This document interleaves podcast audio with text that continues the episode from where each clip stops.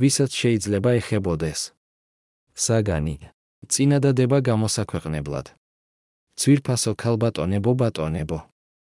წერდესებელედი 55 კამ ბლოგზე აშენებულია WordPress org სისტემაზე.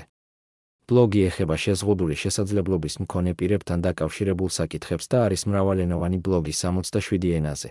უზბეკური, უკრაინული, ურდუ, აზერბაიჯანული, ალბანური, ამხარული, ინგლისური, ესტონური, სომხური, ბულგარული, ბოსნიური, ბირმული, ბელორუსული, ბენგალური, ბასკური, ქართული, გერმანული, იტალიური, ინდონეზიური, ისლანდიური, დანიური, ჰოლანდიური, უნგრული, ჰინდი, ვიეტნამური, ტაჯიკური, თურქული, თურქმენული, ტელუგუ, ტამილური, ბერძნული, იდიში, იაპონური, ლატვიური, ლიტვური, მონღოლური, მალაიური, მალტური, მაკედონიური, ნორვეგიული, ნეპალური, სუაჰილი, სინჰალური, ჩინური, სლოვენური, სლოვაკური, ესპანური, სერბული, ებრაული, არაბული, პუშტუ, პოლონური, პორტუგალიური, ფილიპინური, ფინური, სპარსული, ჩეხური, ფრანგული, კორეული, ყაზახური, კატალანური,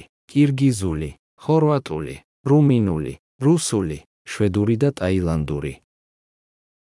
მე ვთავაზობ ყველას, ვინც ფლობს ტელეკომპანიას, ან არხს, რომელიც ავრცელებს შიმპირებთან დაკავშირებულ შინაარსს ამ რომელიმე ენაზე, და მიკავშირდეს და გამომიგზავნოს არხის კოდი, რათა არხმა შეძლოს ჩემი მაუწყებლობის გადაცემა. ბლოგი საუკეთესო სურვილებით. ასაფ ბენიამინი